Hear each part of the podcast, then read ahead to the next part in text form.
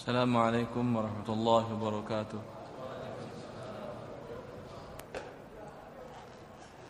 الحمد لله نحمده ونستعينه ونستغفره ونستهديه ونتوب إليه.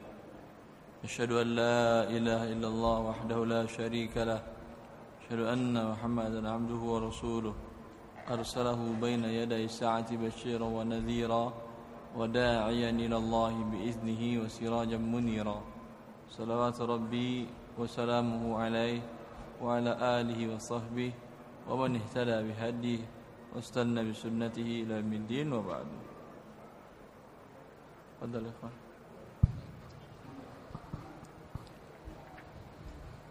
Bab 2 titik 2 titik 2 titik 5 titik 1 titik 2 halaman 152 Halalkah upah kerja dakwah?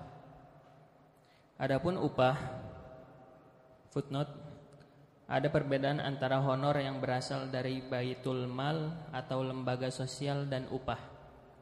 Di antaranya honor itu bersifat derma atau sumbangan yang tidak ditetapkan jumlahnya tergantung kemurahan hati para penderma atau kondisi lembaga dan mungkin juga tidak memberikan apa-apa. Sedangkan upah merupakan transaksi yang wajib dipenuhi oleh kedua belah pihak yang jumlahnya telah ditetapkan dari awal sebelum jasa dipakai tergantung hasil tawar-menawar antar antara pihak pemberi dan pengguna jasa. Paham maksudnya ini?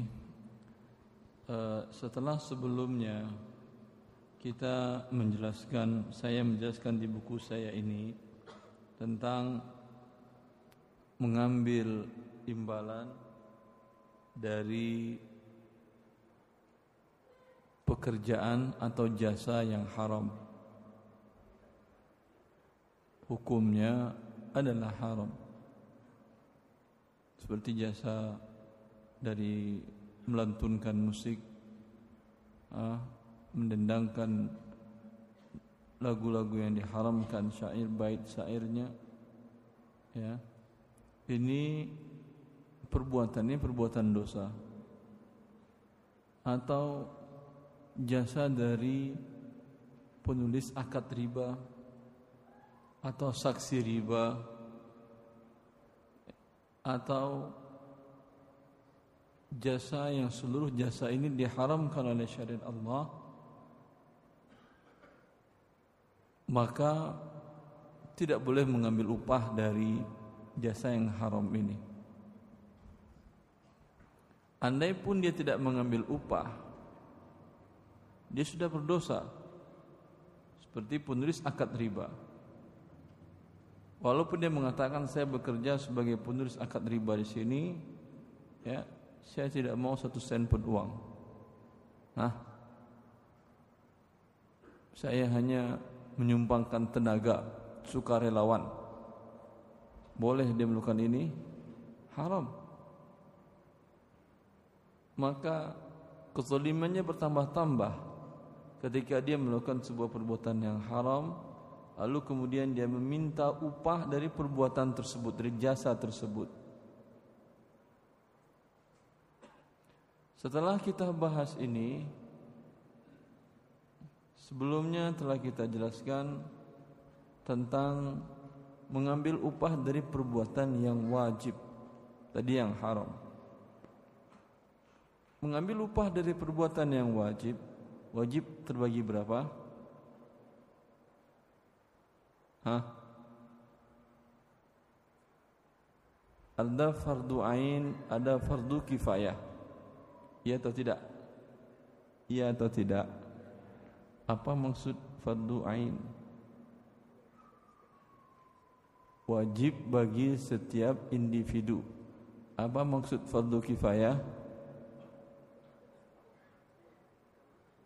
Iya, kewajibannya bukan pada setiap individu. Sekelompok orang saja melakukannya, sebagian orang saja melakukannya, gugur kewajiban dari seluruh individu.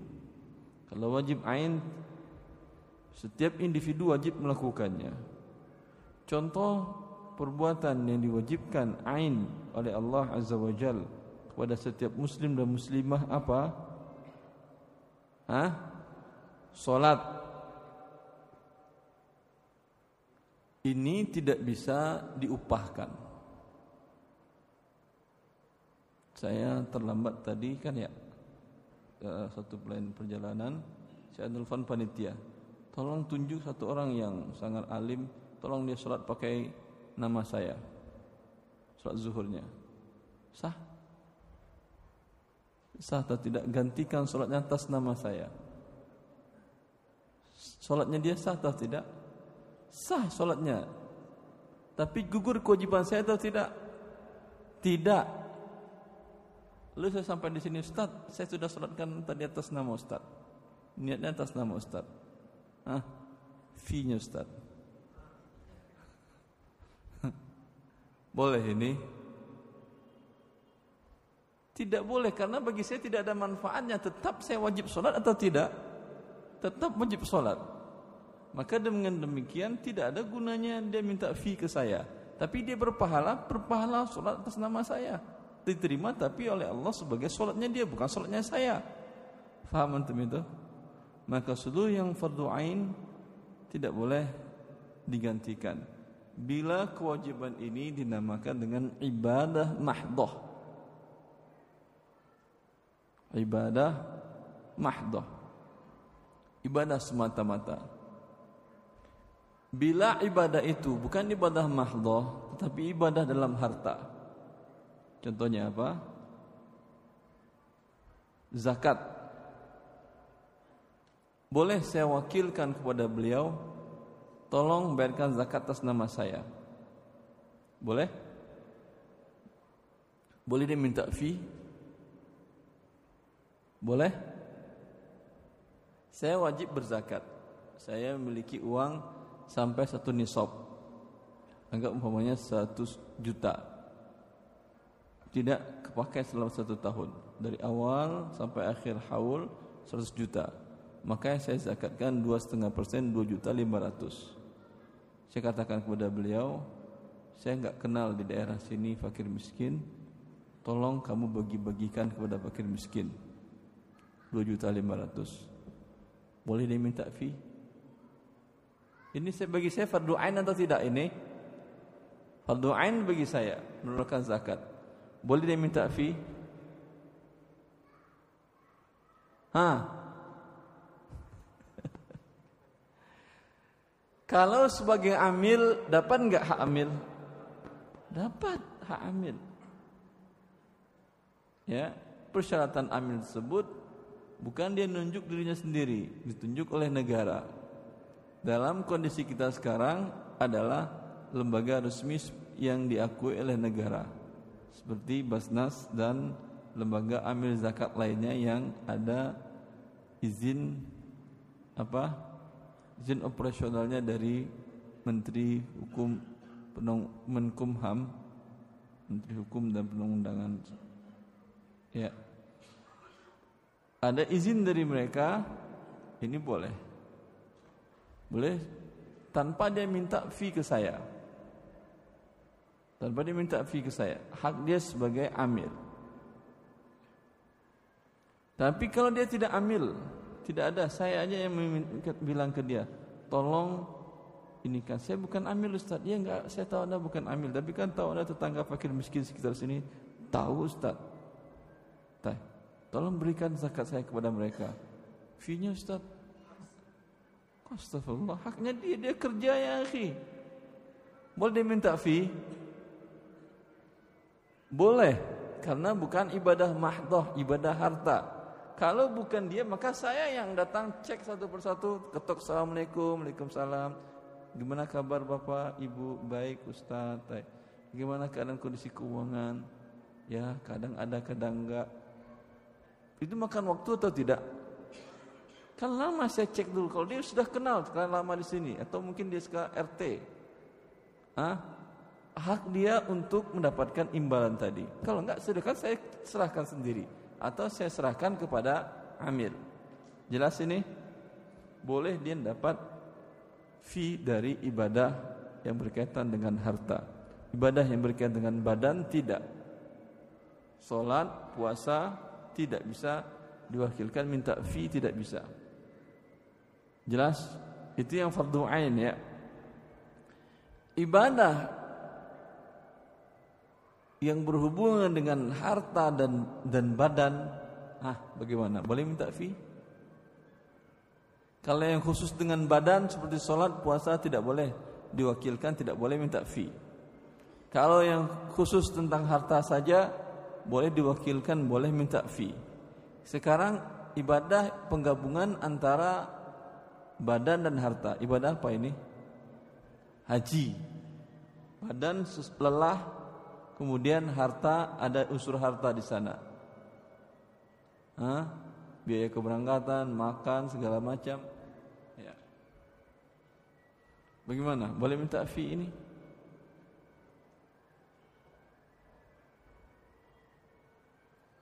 Pernah dengar namanya badal haji? Ya. Apa itu badal haji? Hah, apa itu badal haji? Menggantikan haji siapa? Orang yang tidak mampu nggak punya uang dia anda gantikan gitu. Dia tidak mampu fisik tapi mampu secara harta. Wajib bagi dia berhaji. Walillahi 'alan nasi hajjul baiti man istata'a ilaihi sabila. Kata Allah, kewajiban bagi manusia dan hak Allah bahwa manusia tersebut melakukan ibadah haji ke Baitullah bagi siapa yang mampu. Mampu di sini ditafsirkan oleh para ulama az-zadu. Punya kendaraan dan punya harta. Paham? Dia ketika muda dahulu fisik sehat tapi tidak punya uang biaya, tidak punya ya kendaraan ke sana pun tidak punya sewa ke sana dan ditinggal pun sini tidak ada. Di waktu dia sudah tua, alhamdulillah rezeki banyak. Jelas? Tetapi dia tidak mampu lagi naik pesawat 9 jam. Belum lagi sekarang berapa cuaca di Mekah? 41 derajat Celcius. Ya 41 ah, 9 derajat lagi setengah mendidih kan ya? Iya atau tidak? Iya. Maka subhanallah Butuh kekuatan fisik. Maka dia tidak mampu secara fisik Maka ini boleh dibadal digantikan kepada orang lain. Jelas Bahkan bila seseorang ini meninggal Awalnya dia ingin berangkat Tapi keburu dia meninggal Gak jadi berangkat Sedangkan punya uang biaya Sebelum warisan dibagi Sisihkan dulu biaya untuk badal haji Anda yang pemanya badal haji Berapa badal haji sekarang? Hah? 33 juta? Naik apa? Naik angkot atau naik odong-odong?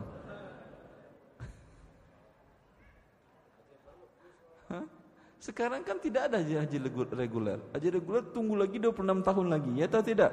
Keburu mati pula antum. Gimana mau? Mau digantikan mata mati juga. Paham? Berarti yang ada haji plus. Haji plus pun berapa tahun? 7 tahun. 7 atau 6 tahun kalau Jakarta? Hah? 7. 7 tahun. Berarti kewajibannya haji plus. Minimal haji plus berapa? 150 juta. Anggap 150 juta. Warisannya ada 5 miliar. Maka sebelum dibagi seluruh 5 miliar ini 130 juta sisihkan dulu berangkat seseorang yang sudah syaratnya yang menggantikan ini dia sudah pernah berhaji. Jelas boleh dia minta fee digantikan oleh seseorang untuk menggantikan. Hah? Boleh minta fee ini? Hah. Tadi kalau ibadah mahdoh badan saja tidak boleh. Kalau ibadah harta saja sepakat para ulama boleh. Sekarang ibadah gabungan badan dan harta. Boleh apa tidak? Tentu akan dikatakan berbeda para ulama Ustaz. Sebagian mengatakan boleh, sebagian mengatakan tidak. Yang boleh dia mengatakan karena ada unsur hartanya. Yang tidak boleh dia mengatakan karena ini ada unsur badannya. Jelas? Betul seperti itu. Kalau umpamanya dia minta bukan fee, bukan honor, dihitung dia saya gaji saya per hari, ah, umpamanya satu juta kemahalannya, lima ratus ribu.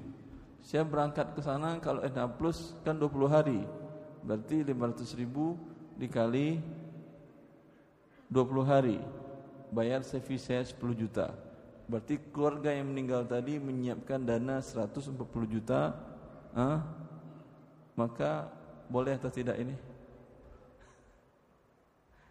Sudah saya jelaskan khilaf para ulama. Ulama berbeda pendapat dalam hal ini. Pendapat yang terkuat bila memang dia tidak punya biaya untuk orang ditinggalkan anak istrinya dan dengan demikian selama berangkat ibadah haji dia kan nggak bisa cari uang lagi Ya atau tidak? Hah? Sebesar penggantian itu boleh Tapi menjadikannya sebagai tempat pencari keuntungan tidak boleh Kebutuhannya sekitar tadi Berapa pendapatan sehari 500 Dia minta tambah lelah, uang lelah segala macam Sejuta sehari Nah ini tidak boleh Paham? Tapi kalau sekedar penggantian Karena dia tidak bisa mencari nafkah selama menggantikan tersebut ini boleh. Ini pendapat yang terkuat dalam masalah ibadah haji. Ini untuk fardu ah ain. Kalau fardu kifayah boleh apa tidak mengambil upah? Sepakat para ulama boleh. Kalau ibadahnya bukan ibadah mahdoh. Hah? Seperti apa fardu kifayah? Salat jenazah fardu kifayah Boleh minta fee kepada keluarga yang meninggal Ini fardu kifayah saya tidak wajib mensolatkannya Boleh minta fee Kalau ibadah mahdoh tidak boleh minta fee Karena ini solat. Kalau fardu kifayah yang lain Apa contoh fardu kifayah yang lain? Fardu, Bila satu daerah ini Tidak ada yang mengerti syariat Allah karena tidak ada yang belajar syariat Allah Berdosa enggak sekampung? Harus ada orang yang mengerti syariat Allah Menjadi rujukan umat di daerah tersebut. Lalu ada salah seorang anak yang pintar IQ di atas rata-rata ha? Tetapi dia tidak mampu Ya Dia ingin belajar syariat Allah Tapi dia punya tanggungan, punya anak istri, punya orang tua dan segala macam. Dia bilang, saya akan siap belajar syariat Allah mungkin di Indonesia, mungkin di luar negeri, mungkin di di Mekah, mungkin di mana, tetapi tolong beri saya fee bisa menghidupi saya dan bisa menghidupkan istri saya. Boleh ini? Boleh sepakat para ulama dalam hal ini. Kiaskan kepada ah, fardu kifayah yang lain. apalagi selain ibadah mahdoh ya kalau ibadah mahdoh seperti sholat jenazah tidak boleh itu tapi kalau mengkafaninya menguburkannya ini bukan ibadah mahdoh boleh mengambil fee dari fardu kifayah begitu juga berdakwah mengajarkan syariat Allah ini fardu ain atau bukan fardu ain atau bukan mengajarkan syariat Allah fardu ain atau bukan? Hai, jawab. Fardu ain. Kalau fardu ain setiap antum mengajar fikih muamalat. Dosa antum kalau enggak ngerti fikih muamalat enggak ngajarin fikih muamalat. Iya atau tidak? Hah?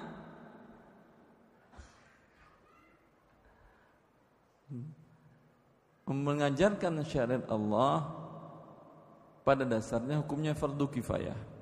bila ada saja satu orang ya menguasai syariat Allah dalam satu bidang tadi cukup yang lain tidak gugur dosa dari mereka kalau tidak ada sama sekali orang yang mengerti syariat Allah semuanya berdosa paham yang fardu ain pertama mengenal fardu ain dalam syariat Allah itu fardu ain Anda pelajari Solat fardu ain Anda pelajari. Paham? Paham? Baik. Tetapi mengajarkan solat tidak fardu ain. Fardu kifayah. Tidak Anda ajarkan, biarkan yang lain mengajarkan. Tetapi fardu kifayah ini bisa berubah dia menjadi fardu ain. Kapan? Ketika tidak ada orang yang mengerti syariat Allah. Hanya dia saja yang mengerti syariat Allah dalam hal tersebut maka bagi dia fardu ain tidak boleh dia mengambil upah dari satu sen pun juga. Kalau fardu kifayah boleh.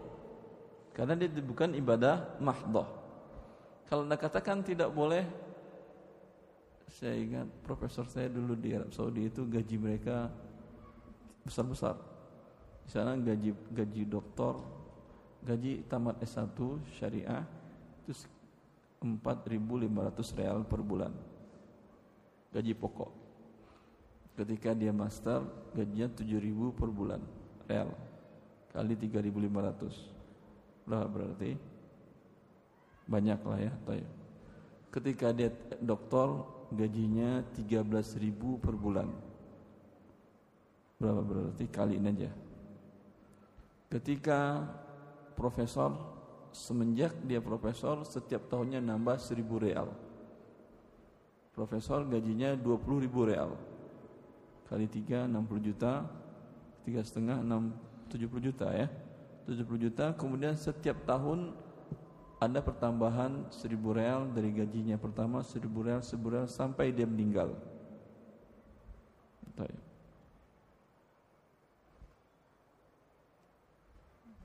hikmahnya luar biasa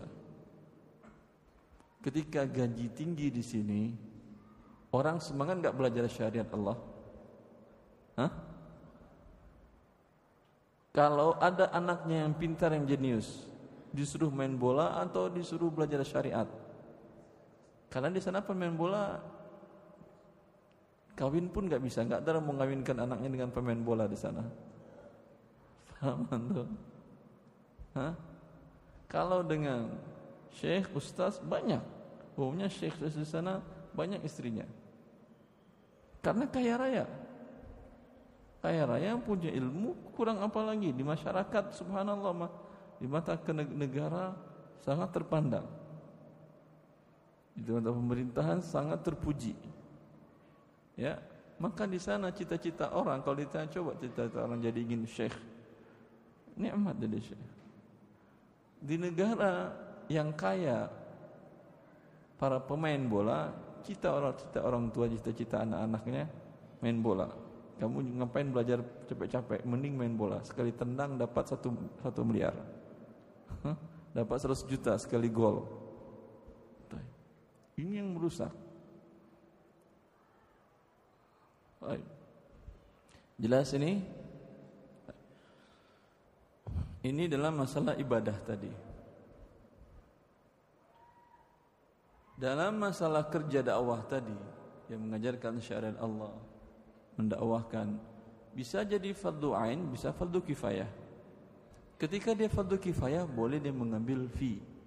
Ketika dia fardu ain tidak boleh. Kapan fardu ain? Ketika tidak ada orang yang bisa mendakwahkan syariat Allah kecuali dia. Seperti para nabi. Bagi para nabi mendakwahkan syariat Allah, fardu ain atau fardu kifayah? Fardu ain kewajibannya. Allah mengatakan ya ayyuhar rasul balligh ma unzila ilaik wa illam taf'al faman ballaghta risalatah. Wahai nabi, sampaikan apa yang diturunkan kepadamu. Berarti Allah wajibkan kepada nabi untuk menyampaikan apa yang diturunkan Allah kepadanya. Jika tidak engkau sampaikan, berarti engkau berkhianat terhadap risalah Allah. Paham? Maka tidak heran kalau para nabi selalu mengatakan kepada umatnya Aku tidak meminta kepada kalian upah dalam setiap dakwah yang kusampaikan ini. Artinya, aku ngajarin kalian akan syariat Allah ini gratis loh. Enggak mengharapkan upah dari kalian. In ajriya illa 'ala Allah. Aku hanya mengharapkan upah pahala dari Allah, bukan dari kalian. Dan enggak mungkin juga mereka ngasih upah.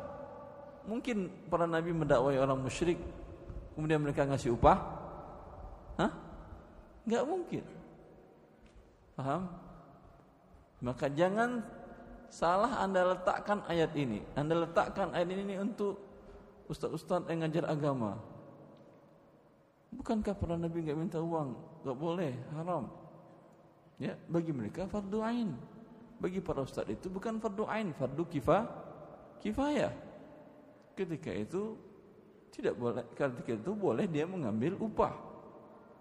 Itu upah ya, bukan bukan atau ya.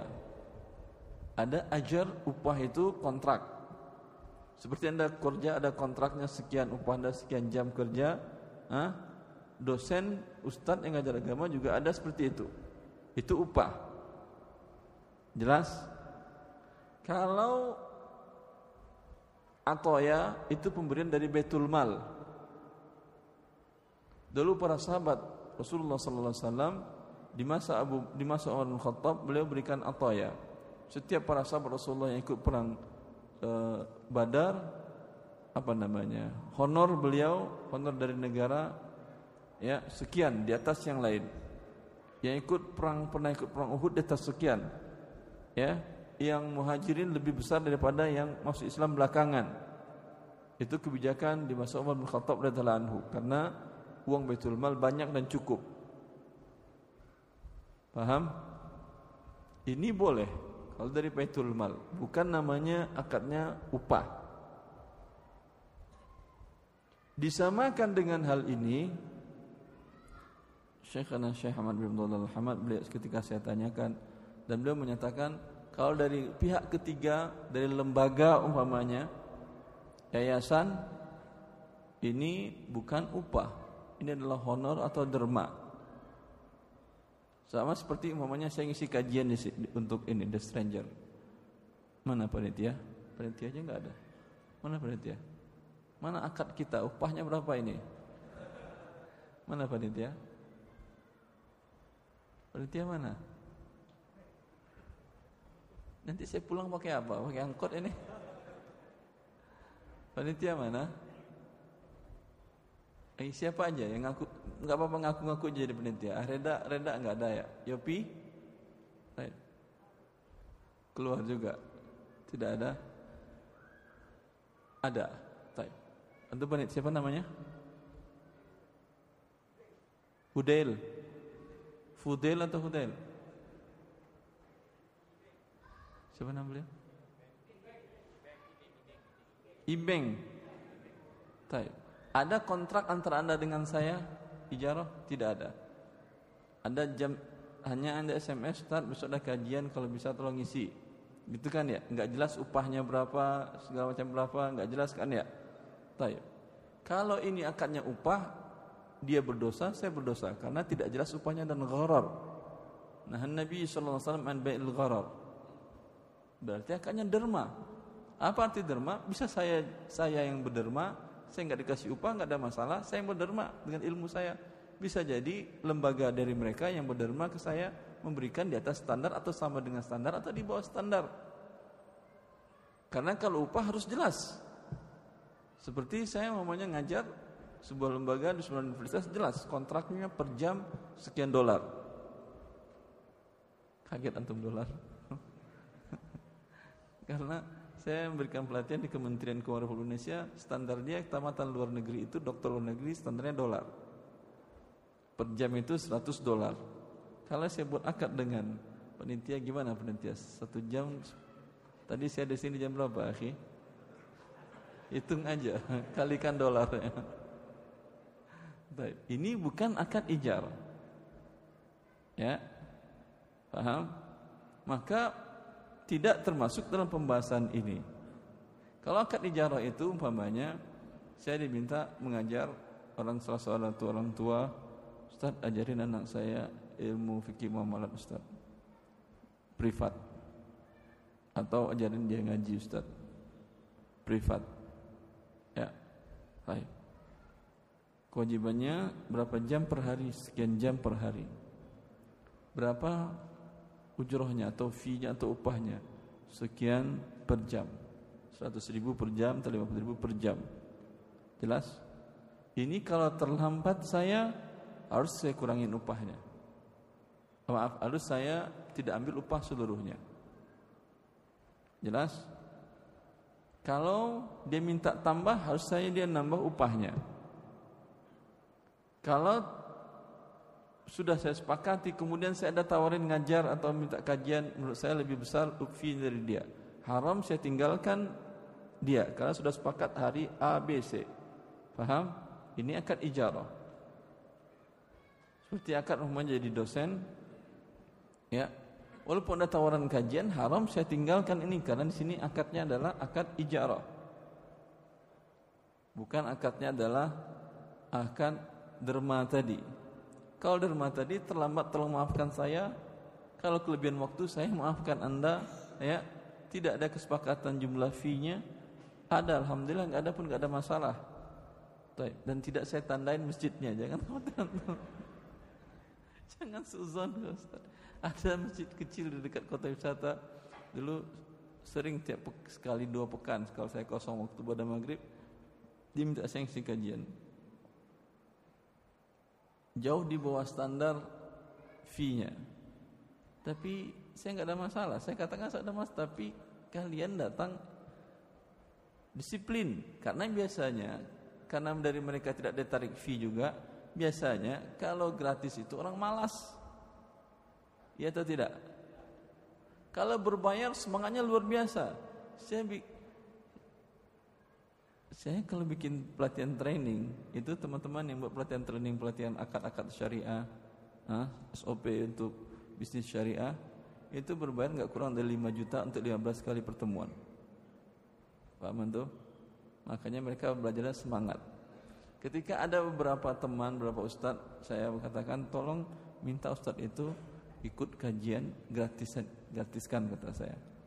Ustadz itu hanya datang sekali dua kali habis itu nggak datang lagi dia. Karena dia gratis. Makanya dia lalai. Yang lain yang berlima juta nggak mungkin dia datang sekali besok nggak datang lagi nggak mungkin. Hilang mau lima juta. Yang ini nggak datang dia nggak ada masalah bagi dia. Karena dia gratis. Paham tuh terkadang yang gratis itu tidak bagus. Jelas antum oke okay? Allah barik fikum. Sampai di mana? Silahkan baca tadi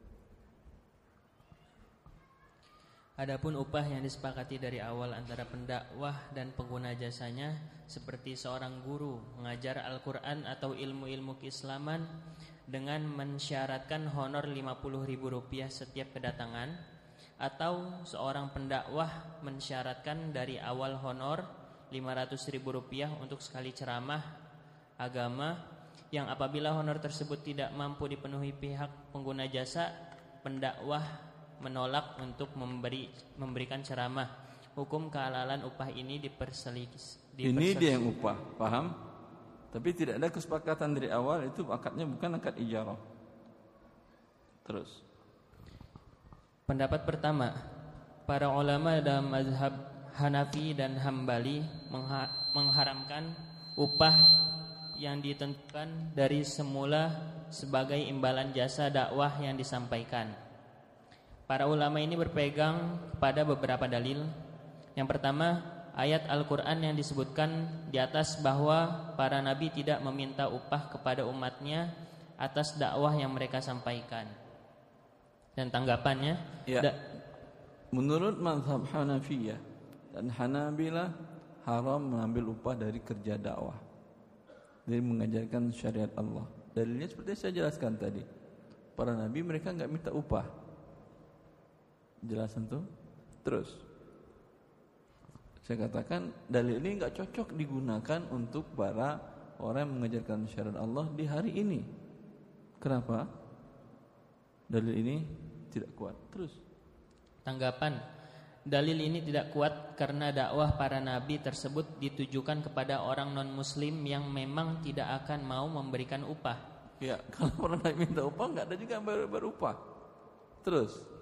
Dan juga dalam ayat-ayat tersebut tidak ada larangan andai orang-orang yang menerima dakwah tersebut memberikan upah. Tapi juga tidak ada larangan. Ya. Artinya kalau mereka ngasih upah, para nabi itu terima apa tidak? Allah mungkin terima, mungkin tidak. Tetapi tidak ada larangan. Bila tidak ada larangan, hukum asalnya boh, boleh. Terus. Yang kedua, firman Allah Ta'ala yang melarang menjual ayat-ayatnya dengan harga dunia dan melarang menyembunyikan petunjuk. Sedangkan menolak memberikan dakwah tanpa imbalan yang disepakati sebelumnya termasuk menjual ayat dan menyembunyikan petunjuk. Yang disepakati bukan tanpa. Paham antum? Ustaz tadi kan yang diajarkannya ayat-ayat Allah dan syariat Allah. Iya atau tidak? Lalu dapat upah. Ini termasuk atau termasuk kata yang mengharamkan ini termasuk dalam rangka menjual ayat Allah, menukar ayat Allah dengan dunia, dengan fee, dengan amplop dan seterusnya. Paham ini? Paham? Ini alasan para ulama yang argumen para ulama yang mengharamkan mazhab Hanafi dan Hambali. Terus. Di antara ayat-ayat tersebut, A'udzubillahi minasyaitonirrajim, wala tashtaru bi ayati thamanan qalila. Dan janganlah kamu menukarkan ayat-ayatku dengan harga yang rendah. Dan ayat yang kedua, kata Allah, jangan tukar ayatku dengan harga yang murah. Terus. A'udzubillahi minasyaitonirrajim. إن الذين يكتمون ما أنزلنا من البينات والهدى من بعد ما بيناه للناس في الكتاب أولئك يلعنهم الله ويلعنهم اللاعنون Sesungguhnya orang-orang yang, menyembunyi, yang menyembunyikan apa yang telah kami turunkan berupa keterangan-keterangan yang jelas dan petunjuk setelah kami menerangkannya kepada manusia dalam Alkitab mereka itu dilaknat oleh Allah dan dilaknati pula oleh semua makhluk yang dapat melaknati. Laknat tahu kan ya doa agar pelakunya dijauhkan dari rahmat Allah Azza wa Jal. Ini yang dimaksud dengan laknat. Ya. Orang-orang yang menyembunyikan ayat-ayat Allah tadi kalau dia tidak dapat fi kan dia nggak ngajar. Ya atau tidak? Ah, dengan demikian termasuk menyembunyikan atau tidak dia? Ini alasan para ulama yang mengharamkan ngambil fee buat akad sewa, akad kontrak jasa dalam mengajarkan syariat Allah. Terus. Tanggapan, Tapi dalil ini tidak kuat. Terus. Tanggapan. Dalil ini juga tidak kuat karena maksud ayat di atas bila seseorang telah menjadi fardu ain baginya untuk menyampaikan dakwah seperti dia berada di lingkungannya sama sekali tidak ada orang yang mampu menyampaikan dakwah dan mengajarkan Al-Quran kecuali dirinya. Dalam kondisi ini memang diharamkan dia menerima upah karena dia melakukan suatu hal yang wajib sebagaimana seseorang yang melakukan salat wajib. Paham ini? Kalau ketika itu tidak ada yang mengerti syariat dalam hal ini, haram dia mengambil upah. Baik, terus. Adapun orang yang berada di lingkungan di mana terdapat para pendakwah lain, maka dia tidak wajib menyampaikan dakwahnya. Bila ada dua orang ulama, ustaz di sana mengerti tentang syariat dalam hal ini, salah satu tidak ada kewajiban fardu kifayah bagi mereka. Ya atau tidak? Ketika fardu kifayah boleh dia mengambil fee. Kemudian ada pun dikatakan dia menyembunyikan, dia bukan menyembunyikan. Dia mengajarkan. Ya atau tidak? Dia menjelaskan ayat Allah bukan menyembunyikan ayat Allah Azza Terus dan melakukan amalan yang tidak wajib dibolehkan mengambil upah sebagai imbalan dari amalan tersebut. Ya. Yang ketiga, hadis Nabi Shallallahu Alaihi Wasallam yang melarang makan upah mengajar Al-Quran. Kalau Rasulullah Shallallahu Alaihi Wasallam Iqra'ul Qur'ana wa la taghlu fihi wa la tajfu anhu wa la ta'kulu bihi wa la tastakthiru bih. Bacalah Al-Qur'an dan janganlah terlalu berlebihan, jangan terlalu layak, jangan terlalu lalai jangan makan upah mengajar Maksud Al-Qur'an. apa terlalu berlebihan? Terlalu lalai itu terlalu jarak antara dia baca Quran sangat jarang sekali. Sekali seminggu dia buka Quran, sekali sebulan buka Quran. Ini maksudnya jafa. Kalau hulu di mana-mana Quran aja, ke mana-mana Quran aja terus. Ini terlalu hulu. Paham untuk ini? Sa'atan sa'atan. Ketika Hanzalah mengatakan kepada Rasulullah sallallahu alaihi wasallam, Rasulullah bahwa dia mengatakan ketika kami berada dalam majlismu ya Rasulullah kami rasakan kebahagiaan karena kami dekat dengan surga Allah tapi ketika kami pulang kami rasakan hati kami menjadi kesat dan kasar ketika berhubungan dengan dunia dan anak dan istri kata Rasulullah sa'atan sa'ah ada waktunya dekat dengan Allah ada waktunya untuk orang-orang yang wajib anda berikan waktu anda kepada mereka Udah anak istri juga ah, baca Quran terus ditanya diajak ngobrol sama istri baca Quran aja terus. Anaknya ajak ngobrol baca Quran aja terus. Ini namanya hulu. Haram dalam Islam agama Islam di antara ini. Paham? Baik, terus. Dan jangan makan upah mengajar Al-Qur'an dan memperbanyak harta melalui mengajar Al-Qur'an. Hadis riwayat Ahmad dan disahihkan oleh Ibnu Hajar. Ya. Pendapat kedua, para ulama dalam mazhab Maliki dan Syafi'i membolehkan menarik upah dari kerja dakwah. Mereka berpegang kepada beberapa dalil. Yang pertama, diriwayatkan dari Ibnu Abbas radhiyallahu anhuma bahwa sekelompok sahabat Nabi Shallallahu alaihi wasallam melewati sebuah perkampungan. Lalu orang kampung tersebut meminta mereka untuk mengobati kepala suku mereka yang terkena sengatan hewan berbisa Para sahabat mau mengobati dengan syarat orang kampung itu memberi imbalan beberapa ekor kambing. Setelah terjadi kesepakatan, salah seorang sahabat mengobatinya dengan membaca surat Al-Fatihah. Seketika itu juga si sakit langsung sembuh dan mereka memenuhi akad serta memberikan beberapa ekor kambing yang disepakati. Sebagian sahabat menolaknya karena dianggap mengambil upah dari bacaan Al-Quran. Sesampainya di Madinah, mereka mengadukan hal tersebut pada Nabi Shallallahu Alaihi Wasallam. Maka Nabi Shallallahu Alaihi Wasallam bersabda, Inna ahakku ma alaihi ajaron kitabullah. Sesungguhnya upaya yang paling pantas untuk kalian terima adalah imbalan Al-Quran. Ya, Ruqyah ketika para sahabat Rasulullah SAW melewati sebuah perkampungan, mereka butuh makan, minta diundang makan mereka enggak mau. Ya. Lalu para sahabat berjalan mencari kampung lain. Tidak berapa lama setelah itu kepala suku mereka terkena sengatan yang berbisa dan sakit seperti dekat akan kematian. Lalu mereka mencari-cari siapa yang bisa mengobati tabib. Kata mereka sebagiannya itu sepertinya yang minta makan tadi orang-orangnya kelihatan dari wajah mereka orang-orang baik mungkin bisa memberikan manfaat atau obat kepada kita dikejarnya ya lalu kata para sahabat tersebut ya kami saya mau saya mau mengobatinya dengan syarat qati'im minal ghanam bayar upah sekitar sekian ekor kambing paham sekitar 20 ekor 30 ekor kambing ya Siap kata mereka. Asal sembuh kepala suku kami. Balik ke sana, maka sahabat tadi membacakan Al-Fatihah, ditiupnya, disembulnya orang yang sakit tadi kepala sukunya ka'anna laisa bihi syai. Setelah itu dia bangun seperti tidak ada sakit sebelumnya. Cuman baca Al-Fatihah doang. Subhanallah, siapa yang mau dibaca Al-Fatihah oleh beliau? Bagus ya, betul. Ini Wa anzalna minal Qur'ani ma huwa kata Allah. Kami turunkan dari Al-Qur'an itu, Quran itu adalah obat penawar. Ya. Anda bacakan dari Al-Qur'an surat mana yang Anda pilih, kemudian tiupkan dan doakan. Insya Allah sembuh yang sakit tersebut, apa pun jenis penyakitnya.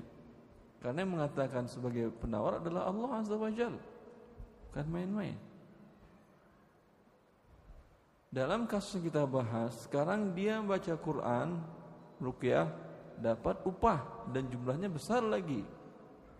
Tadi minta makan nggak dikasih, sekarang kambing harus bayar ke mereka jumlah besar. Sebagian para sahabat nolak. Ya, memang dibawa tapi dia nggak mereka nggak ikut makan. Ya, karena mereka merasa ini adalah upah dari baca Al-Quran, baca Al-Fatihah. Kemudian sampai kepada Rasulullah Wasallam masih ada sisanya kah? Kata Rasulullah masih ada. Rasulullah ikut makan bareng mereka. Berarti halal atau haram? Halal ya. Terus. Dalil yang kedua diriwayatkan dari Sahal bin Sa'ad radhiyallahu anhu bahwa seorang wanita menawarkan dirinya untuk dinikahi Nabi sallallahu alaihi wasallam. Akan tetapi Nabi sallallahu alaihi wasallam tidak berniat menikahinya. Maka seorang sahabat meminta kepada Nabi Shallallahu Alaihi Wasallam agar menikahkan wanita itu dengan dirinya.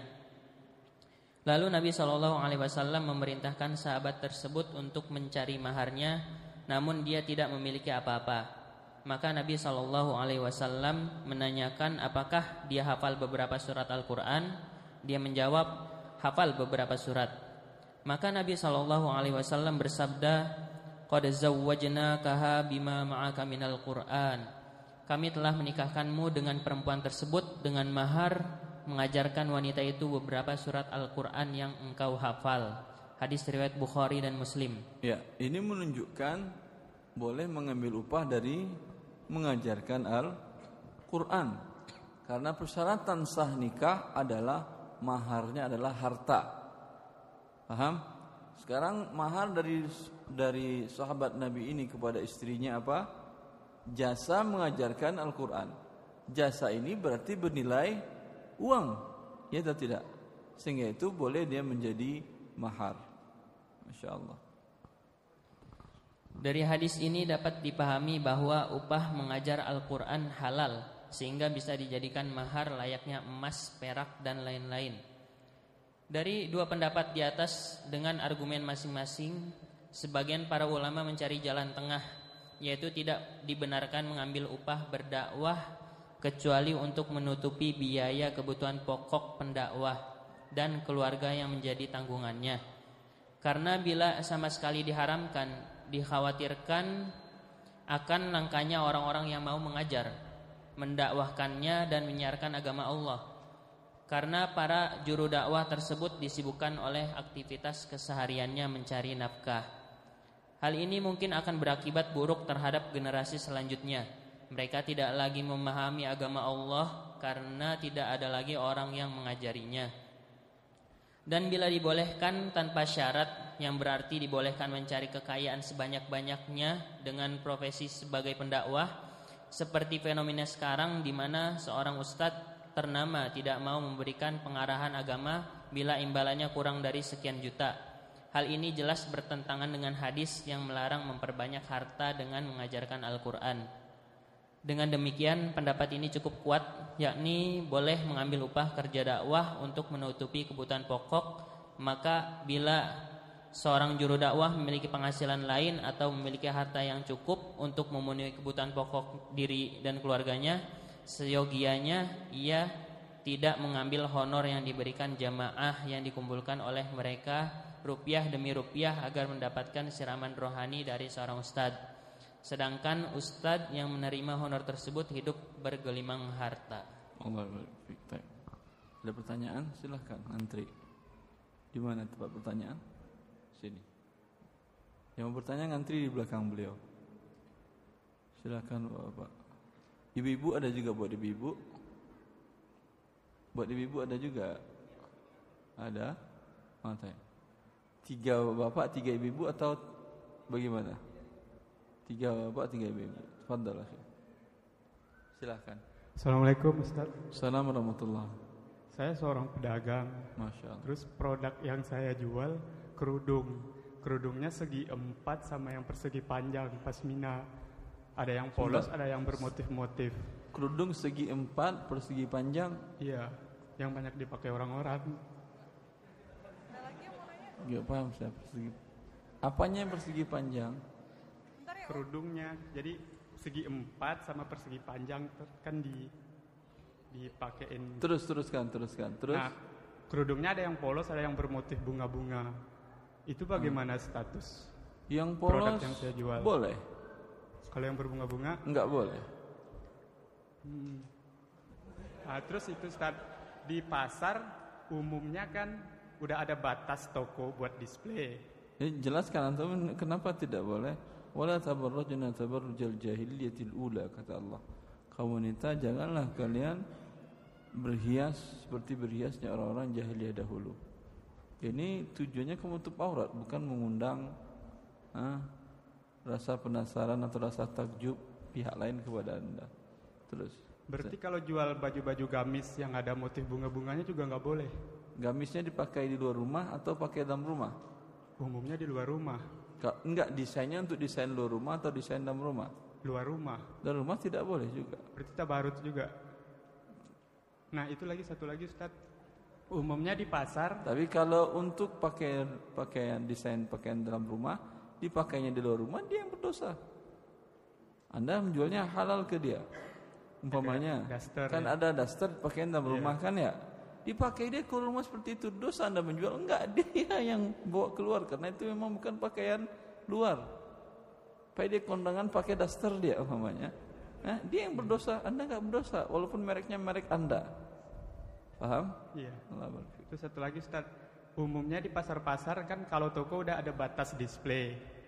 Nah, hampir semua pedagang, hampir seluruh 100% pedagang pasti dilewatin dari batas yang udah disediain pengelola pasar. Enggak paham saya apa ini.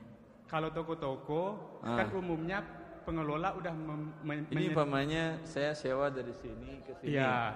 Iya. Terus saya taruh barang saya di sini. lebih ya. Di jalan. Iya. Ah. Umumnya semua pedagang melakukan itu di setiap pasar, termasuk saya. Nah, itu bagaimana, Ustaz? Anda kan sudah disediain ngambil pengelola ini batasnya segini, ini Anda toko- ngambil jalan jalanan kan ya berarti tempat jualan. bukan keseluruhan jalan. Mungkin satu marmar atau dua marmar dari yang telah ditentukan. Sebanyak itu dosa Anda. Berarti nggak boleh. Ini tidak boleh ya, itu jalan. Iya, iya. Yes. Bukan tempat display. Baik. Kasih Ustaz. Allah barik fikum. Bismillah, Umumnya, Assalamualaikum. umumnya seperti itu para pedagang Indonesia. Makanya pasarnya sumpek, nggak bisa lewat di situ. Terus. Bismillah, Assalamualaikum warahmatullahi wabarakatuh. Salam terkatu. Eh, Anda ingin bertanya Ustaz, sedikit berhubungan sama upah. Ya mungkin kaitannya juga tidak terlalu dekat sih tapi yaitu tentang dana beasiswa Ustaz. Ah, Jadi bagaimana hukum beasiswa yang beasiswa ini sudah terkenal di kalangan para eh, apa namanya mahasiswa yang ingin melanjutkan studinya baik di dalam maupun di luar negeri, di mana beasiswa itu dikelola oleh sebuah lembaga. Kemudian kalau yang anda baca di websitenya, beasiswa itu dikelola untuk eh, surat berharga negara, diinvestasikan saya surat berharga negara dan deposito Ustaz. Nah kemudian bunga depositonya diberikan untuk beasiswa. Nah, untuk yang diberikan ke penerima beasiswanya apakah dari pokoknya ataukah dari bunganya yang telah berkembang menjadi sangat banyak? Itu Allah alam juga gitu, Ustaz. Saya yakin bunganya, nggak mungkin dia mau pokoknya ngasih-ngasih ke orang. Ribanya paling dikasih-kasih sedekah. Allah alam. Nah, mungkin iya. Kalau misalkan Andai Anda, Anda mau ngasih ribanya atau mau ngasih pokoknya? anda yang ngasih-ngasih. Nah, uang Anda mamanya 5 triliun dolar. Ya. Bunganya 1 triliun dolar per tahun, 20 persen. Hah? Yang Anda kasihkan yang mana? Yang bunganya kah atau yang 5 triliun dolarnya? diinvestasikan ke yang syariah dulu gitu, Ustaz. Dapat bagi hasilnya baru dikasih. Kalau rugi, investasi bisa untung bisa rugi kan? Iya. Kalau rugi, apa yang mau Anda kasihkan? Baik. Cari sumber pembiayaan. Oh ya, Ustaz. Sama jadi Pak, kalau uang hasil pertanyaan Anda boleh nggak terima beasiswa ini? iya, sama Jawabannya gampang. Yang terputar Anda pusing nanti Anda. Kalau Anda di atas sekarang kan Anda mau menuntut ilmunya di mana? Di dalam negeri apa di luar negeri? di luar negeri, Ustaz. Di luar negeri. ilmu yang Anda tuntut ini penting, fardu kifayah, fardu ain atau hanya sekedar basa-basi aja? Ini kalau jurusannya itu seperti Islamic Finance gitu Ustaz, berhubungan sama fikih muamalah juga Ustaz. Islamic finance. Ya, Ha, penting berarti bagi umat. insyaallah. Tapi Anda pakai uang riba. Nanti pulangnya bukan Islamic finance Anda lagi, riba finance. Nah, kalau sebentar, dari sebentar. ya. Bila ini sangat penting bagi Anda, ya, dan bagi umat sangat penting, dan IQ Anda di atas rata-rata, ya, mampu nggak dengan biaya sendiri? Kalau di luar negeri sepertinya belum mampu Ustaz. Tidak mampu berarti Anda miskin. Tinggal iya aja bilang. Biayanya sangat besar ya Ustaz. Iya berarti Anda miskin. Ya Ustaz. Untuk fakir miskin uang riba tadi boleh. Tapi kalau anda mampu dengan biaya sendiri atau ada biaya yang halal lain atau biaya orang tua, haram anda terima beasiswa ini karena dia adalah uang riba dan uang riba ini untuk fakir miskin boleh. Ya Ustaz. Kemudian di tahun 2016 kalau informasi yang Anda dapatkan itu bagi penerima beasiswa ini yang muslim itu diberikan pilihan gitu Ustaz. Apakah dana yang akan mereka terima itu dari dana yang diinvestasikan di diinvestasikan secara konvensional atau secara syariah gitu Ustaz. Itu informasi terbaru yang didapatkan per tahun 2016 seperti itu Ustaz. Nah, sekarang jika misalkan dari lembaga pengelola ini mereka mulai menginvestasikannya ke sektor syariah, wallahu alam untuk eh, instrumen investasinya seperti apa, tapi yang dikatakan bahwa mereka menginvestasikan sebagian dananya di eh, secara syariah gitu Ustaz, ke sektor Saya syariah. sudah jawab cukup atau belum. Andai jangankan yang halal, yang haram pun tadi boleh dengan syarat seperti tadi. Tinggal anda tunjukkan diri anda memenuhi syarat atau bukan. Kalau memenuhi syarat boleh, kalau tidak memenuhi syarat jangan. Nah, Ustaz, Saya tidak pakai uang ini bisa juga saya dokter di bidang syariah. Nah, jazakallah khair Ustaz. Ya, Assalamualaikum warahmatullahi wabarakatuh. Assalamualaikum warahmatullahi wabarakatuh. Salam. Uh, ini lanjutan dari hukum lomba waktu itu Ustaz. Hah? Hukum lomba. Ah, Uh, silakan. kalau salah tolong dikoreksi dan perbaiki Ustaz. Jika saya mengadakan turnamen uh, uang pendaftaran pakai tetap tapi Apa uang uang pendaftaran? pendaftaran. Tapi uh, uangnya Kenapa itu pakai uang pendaftaran? Enggak, Ustaz. Apa? Uh, untuk bayar gor, wasit dan uh, saya buat sistem yang setiap peserta tuh uh, mainnya sama, sama jumlahnya sama, nggak ada yang dirugikan. Terus yang kedua, hadiahnya sama semua dapat. Semua yang main dapat hadiah. Dapat menang kalah Sama dapat. semuanya. Sama, tapi untuk hadiahnya hanya di ukuran yang berbeda Ustaz. Misal piala juara 1 2 3 kan paling besar juara 1. Karena kan kita mesennya juga mungkin sama semua ukurannya. Yang juara satu apa hadiahnya? Misalnya piala gitu. Yang bedanya itu ukurannya doang. Piala sama aja, mau gede mau kecil nggak ada harganya. Ah, tapi sama semua jadi nggak masalah Ustaz ya. Nggak ada masalah kalau piala ini nggak ada Yang- harganya yang kecuali penting- yang satu piala tambah seribu dolar. Yang penting adil aja gitu ya. Bukan adil saja. Sekarang permainannya apa ini? Eh, futsal misal. Hah? Futsal. Futsal nggak boleh dapat hadiah. Tapi kan eh, maksudnya Sebentar. Masih ingat antum masalah hadiah lalu? Kapan boleh dapat hadiah? Bila perlombaannya perlombaan yang masyru'. Apa perlombaan yang masyru'? La sabaqa illa fi khufin aw hanfirin aw nasrin. Tidak boleh mendapatkan dia dalam perlombaan kecuali perlombaan pacu unta, pacu kuda dan memanah. Dikiaskan dengan ini semua ketangkasan yang berguna untuk berjihad fisabilillah. Dikiaskan dengan ini juga semua kecerdasan di dalam ilmu agama dan ilmu dunia yang bermanfaat. Seperti lomba karya ilmiah ya. Ini dikiaskan dengan itu. Boleh dapat hadiah. Futsal masuk bagian mana dia? nggak masuk. Tidak masuk sama sekali. Kalau tidak masuk sama sekali kan sudah kita jelaskan sebelumnya. Tidak boleh diberikan hadiah walaupun tanpa uang keikutsertaan. Paham? Karena kata Rasulullah tidak boleh mendapatkan hadiah kecuali dari ini. Ini yang terjadi sekarang ketika cabang olahraga ini bukan cabang olahraga yang berguna untuk dunia dan akhirat. Ya. Dan mendapatkan hadiah walaupun tanpa ada riba, tanpa ada judi, dan hadiahnya besar. Bahkan fee atau honor transfernya adalah lebih besar daripada transfer profesor. Ya atau tidak? Ah, sehingga berubah sesuatu yang mubah ini pada dasarnya dia mubah menjadi tujuan hidup sehingga rusak kehidupan ini. Sehingga orang tua ngatain ngapain kamu capek-capek sekolah? Jadi profesor, jadi dokter nggak ada uangnya. Mending asah kakimu, ah, golkan satu gol 100 juta, bisa bapak ibumu punya rumah. Tambah 5 gol lagi, kalau Liga Eropa bisa bapak ibumu punya rumah, tanah, mobil dan lain-lain. Jelas? Uh, tapi kan ini Ustaz, saya kan lagi ngajar juga. Uh, jadi ngajar futsal antum? Ngajar sekolah maksudnya. Oh, uh, jadi kalau guru olahraga tuh wajib uh, ngelatih school misal. Terus dan walaupun saya di pesantren juga ngajarnya, terus tetap pesantren itu harus ada namanya turnamen antar pesantren. Maksud saya saya mau pengen buat sistem yang hmm, syar'i.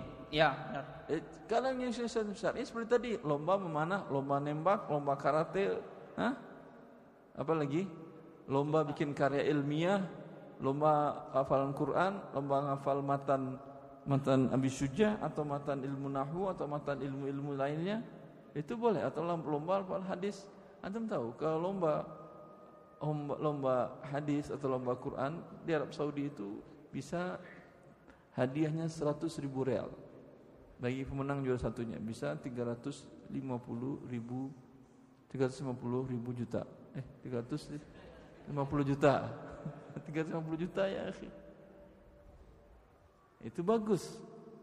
Sehingga menyemangati orang untuk menghafal Quran dan pelajari ilmu-ilmu syariat. Uh, terima kasih Ustaz Jazakallahu Allah barik fikum. Akhwat silakan tiga orang. Assalamualaikum warahmatullahi wabarakatuh Ustaz. Pelan-pelan Ibu. Waalaikumsalam warahmatullahi wabarakatuh. Uh, tetangga Ana pernah ingin mencoba memanggil seorang ustadz, namun ustadznya tersebut di mematokkan biaya seperti kalau ingin kajian harus segini. Apakah itu diperbolehkan Ustadz? Ustazah. Ustadz.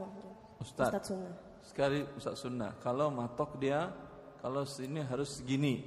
Iya Ustadz. Kan sudah saya kita jelaskan tadi. Boleh atau tidak kalau ujroh, kalau fee? Kalau tidak dia tetapkan, sepakat boleh. Atau kalau dari lembaga pihak ketiga, sepakat boleh. Tapi kalau dari uang kencelengan, berarti dari jemaah. Ya atau tidak? Tapi kemudian dipatok dengan akad ijarah. Kalau tidak sampai fee-nya terkumpul sekian, gimana? Siapa yang mau nanggung? Dipatok oleh dia umpamanya 500 dolar sekali datang atau 5 juta atau 6 juta sekali datang buat dia. Yang terkumpul dari fee kencelengan cuma 2 juta. Siapa yang mau nombokin 4 juta lagi? Hah? Dimukan ke jemaah, jemaah sekalian fee-nya kurang buat ustaz keburu 4 juta tolong tambah lagi. Hah? Kalau tidak berdosa yang mengundangnya karena tadi sudah sepakat 6 juta. Iya atau tidak? Itu yang namanya fee. Sama umpamanya Anda minta saya umpamanya Ustaz tolong jagain warung saya Siap. Berapa fee-nya? 500 dolar sehari Ustaz. Baik, siap. Laku enggak laku Anda bayar saya atau tidak? Bayar. Penjualan di hari itu umpamanya 5 juta dolar, tetap fee saya 500 dolar. Di hari itu cuma 5 dolar yang belanja, tetap fee saya 500 dolar. Paham? Bila ini terjadi dalam dalam jamaah tadi, bagaimana cara menutupinya? Siapa? Ini gharornya besar ini. Jelas ibu? Maka bila Ustaz tadi menetapkan fee, bilang Ustaz haram meminta fee dalam akad mengajarkan syariat Allah. Uh, kemudian Ustaz, apakah boleh kita Karena bakal, kecuali dia mengatakan kalau gitu cari ustaz yang lain karena ilmu saya ini ilmu pasaran, banyak ustaz yang lain bisa. Ah ya, boleh dia minta fee karena fardu kifayah. Paham tadi? Kan bukan fardu ain. Terus Kemudian Ustadz, apakah boleh kita kredit tanpa bunga 0% dan ternyata saat kita terlambat membayar di situ ada denda? Uh, riba atau bukan namanya itu? Jelas. Tapi pada awalnya kita tidak tahu kalau ada denda di dalamnya Ustadz. Di dalam mana yang tidak tahu? di dalam transaksi tersebut. Lalu Anda bikin transaksi sambil merem. Kok nggak tahu? Kan ada klausulnya dibuat dia. Nggak mungkin dia berani minta kalau tidak ada klausulnya. Iya atau tidak? Bisa Anda perkarakan dia ke polisi. Karena berarti pemerasan. Tapi kita saat transaksi tersebut tidak pernah tidak pernah kena denda Ustadz karena bayarnya selalu- Walaupun tidak, tapi Anda setuju kan bayar riba? Berdosa sudah. Ya, siap Ibu. Ya, terima kasih Ustadz. Yang kedua. Yang kedua.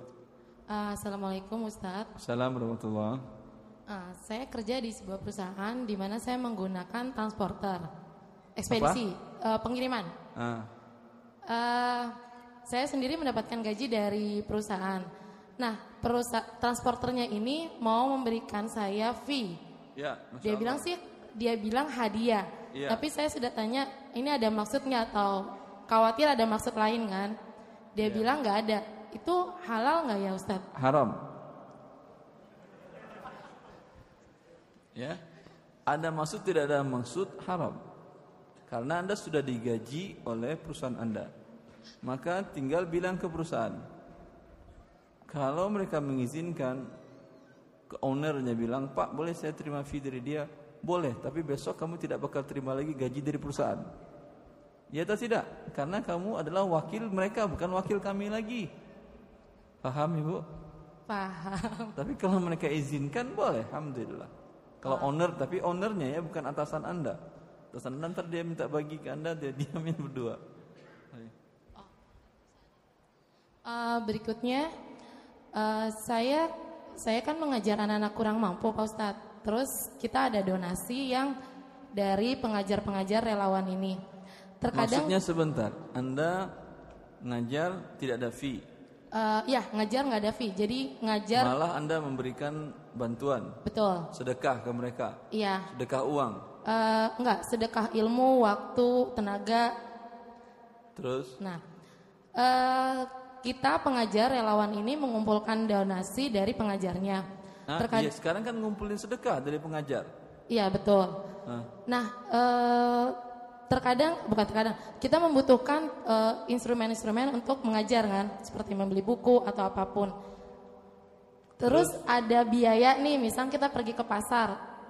Eh, di bon sih mungkin bonnya bon buku, tapi kita reimburse ke kas itu dengan tambahan eh, transportasi. Tapi kita nggak bilang ke bendaharanya bahwa itu ada transportasi. Boleh nggak ya itu Pak Ustadz? bohong berarti. Bohong atau tidak? Eh, bohong sih. Bohong boleh bohong ibu. Enggak. Ya udah. Iyyakum wal kadhib. Fa innal kadhiba la yahdi yahdi ila al fujur wa innal fujur yahdi ila nar. Hindarilah berdusta, berdusta membawa kepada kedurhakaan dan kedurhakaan mengantarkan kepada neraka. Oh, Terus terang. tapi kalau nanti eh, misalkan kita jujur, kita tambahin, tapi uangnya diambil dari kas itu nggak apa-apa. Bagian bendahara mengatakan demikian dikasih dari kas. Iya. Ya, kalau bendahara yang ngasih berarti kebijakannya boleh. Oh berarti nggak apa-apa ya. Maksudnya kesepakatan antara pengajar gitu. Oh nggak apa-apa di reimburse segala biaya. Ya boleh, kan uang anda bersama. Oh alhamdulillah. Nah kalau yang belajar tapi kita kasih eh, jadi adik-adik yang belajar yang rajin kita kasih kita kasih uang. Malah kita kasih uang nih Pak Ustadz. Itu boleh nggak ya? Dikasih motor pun boleh. Iya. Bagus ini, masya Allah. Oh ya tapi kita nggak kasih. Yang hafal umpamanya 5 juz dapat motor. Yang hafal 25 juz dapat mobil. Bagus, masya Allah. Kalau kita ngajar menari Sehingga boleh nggak sih Pak Ustadz? Sehingga nanti ketika dia tamat bisa ngojek dia bisa membawa grab. Terus apa ibu? Ah, nah saya takut eh, saya ini kan dulu eh, termasuk ke komunitas yang non Muslim. Jadi pengajarannya pengajaran yang agak non Muslim nih.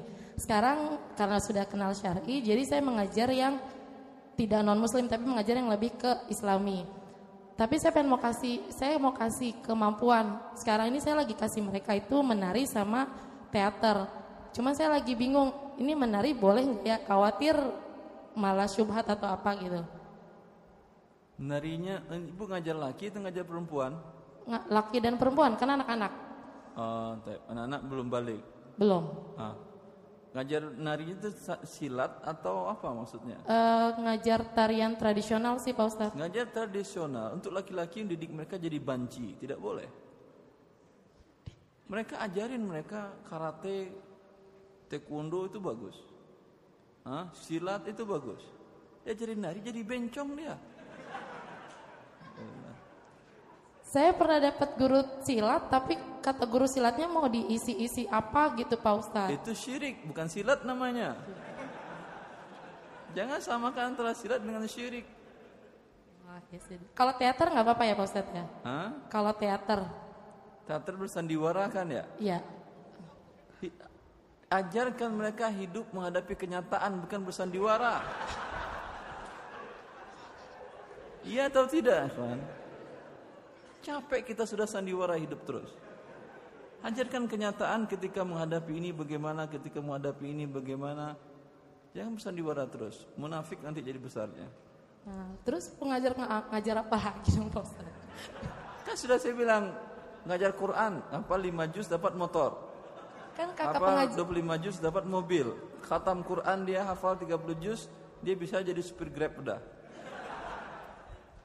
Bisa menghidupi diri anak istrinya. oh iya sih. Masya Allah. Ya terima kasih Pak Ustadz. Allah barik fiik.